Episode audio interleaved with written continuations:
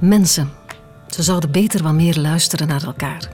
Die zin vat het meteen ook heel mooi samen. De nieuwe podcast die we mogen verwelkomen bij Luister. Stemmen uit een stad heet de podcast. Gemaakt door Hanne Machielse en Kirsten van den Hoorn. Allebei theatermakers bij Theater Antigone. Ze tekenen verhalen op van mensen die we te weinig horen in de grote media. En telkens vertrekken ze van de schijnbaar simpele vraag: hoe gaat het met u? Elke aflevering van Stemmen uit een stad is voor hen en voor ons een spannende ontmoeting, een intiem portret en een mini één op één voorstelling waar wij als luisteraar stiekem bij mogen zijn. Dit is aflevering 1. Cheyenne. Luister.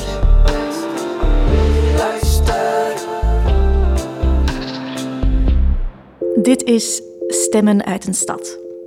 Wij zijn Kirsten van den Hoorn en Hanne Machielsen. Voor Theater Antigone gingen wij in volle coronatijd luisteren naar mensen. Hun eerlijke, hoopvolle en schone verhalen hoor je hier. Dit is Cheyenne. Lepeltje in de afwasbak. En potjes in de vulbak. En Thomas is een klein, energiek dropje dat ons hele gesprek lang in zijn badmanpyjama het huis rondkrost. Zijn mama herhaaldelijk rond de nek vliegt en zijn vieze vingers graag tegen ramen en deuren zet. Als ik een paar weken na ons gesprek Cheyenne's portret wil voorlezen, staat hij met zijn neus tegen de ruit gedrukt. Niet aan de ruit, hè. Thomas. Niet aan de ruit komen. Een onafscheidelijk duo, die twee. En zo gaat dit verhaal dus ook een beetje over hem. Cheyenne, ik heb een tekst geschreven na onze ontmoeting die ik heel graag wil voorlezen. Alles geven wat hij nodig heeft, maar niet te veel. Dat is hoe Cheyenne haar zoon wil opvoeden en wat ze van haar ouders heeft geleerd. Zo wordt hij, net zoals zij, geen verwend nest. Met wat meer controle en duidelijkere grenzen. We vragen waar hij heen gaat als hij de deur uitloopt en hoe laat hij thuis komt. Dat wil ze wel beter doen dan haar ouders. Zo wordt hij hopelijk geen tienervader. Cheyenne, 20, woont samen met haar zoontje Thomas, 4, in het huis van haar vader, naast haar grootouders. Ze delen een tuin en een beetje het leven. Of ja, een beetje. Haar opa en Meme kunnen soms net zo streng zijn als ze vroeger van haar ouders verlangden. Maar nu is het te laat. Nu heeft ze dat niet meer nodig. Opa en Meme stonden voor de deur toen ik aanbelde bij Cheyenne. En tijdens ons gesprek in de keuken aan het grote raam haalt opa de grasmaaier uit het eierschaalwitte tuinhuisje met twee raampjes, een deurtje en een puntdak en begint strookje per strookje het gras te maaien. Het is gezellig, zo'n tuindelen, maar niet altijd. Meme en opa zijn nogal nudisten. Hun onderbroek houden ze aan, maar verder vaak niks. Ook Meme, niet. En nu ziet hij er nog wel heel jong uit voor haar leeftijd. Het is toch wat schaamtelijk. Meme huilt de hele tijd, maar opa geeft geen kick. Dat is trauma, denk ik.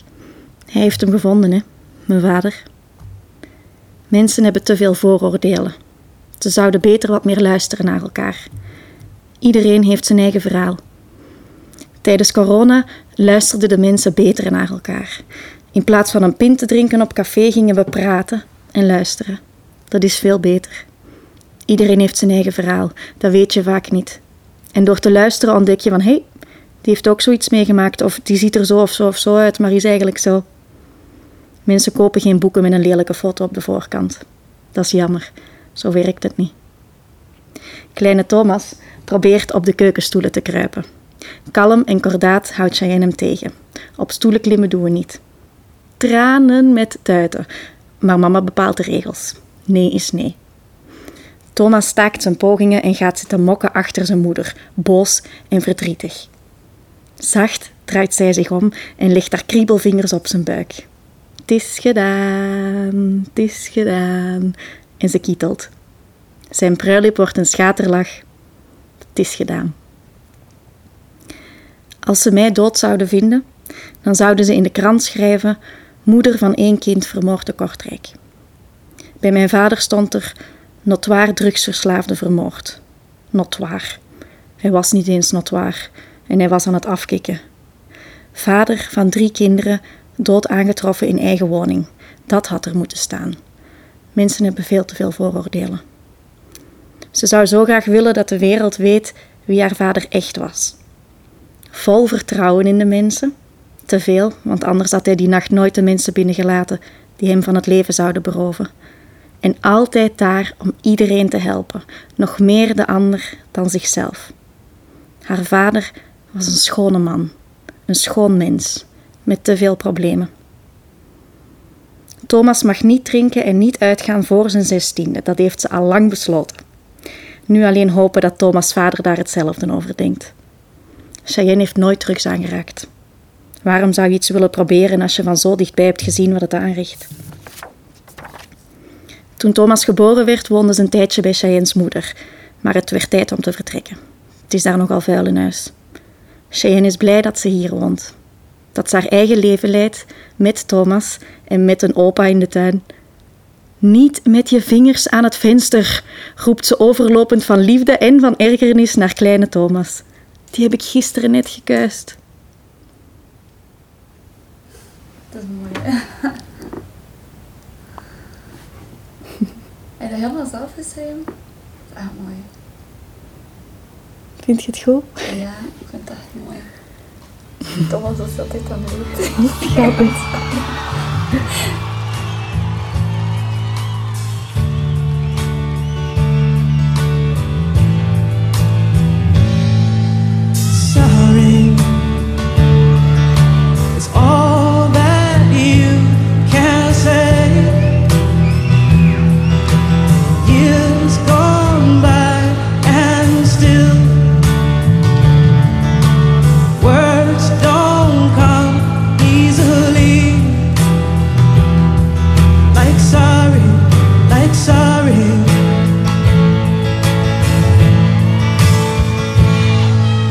forgive me.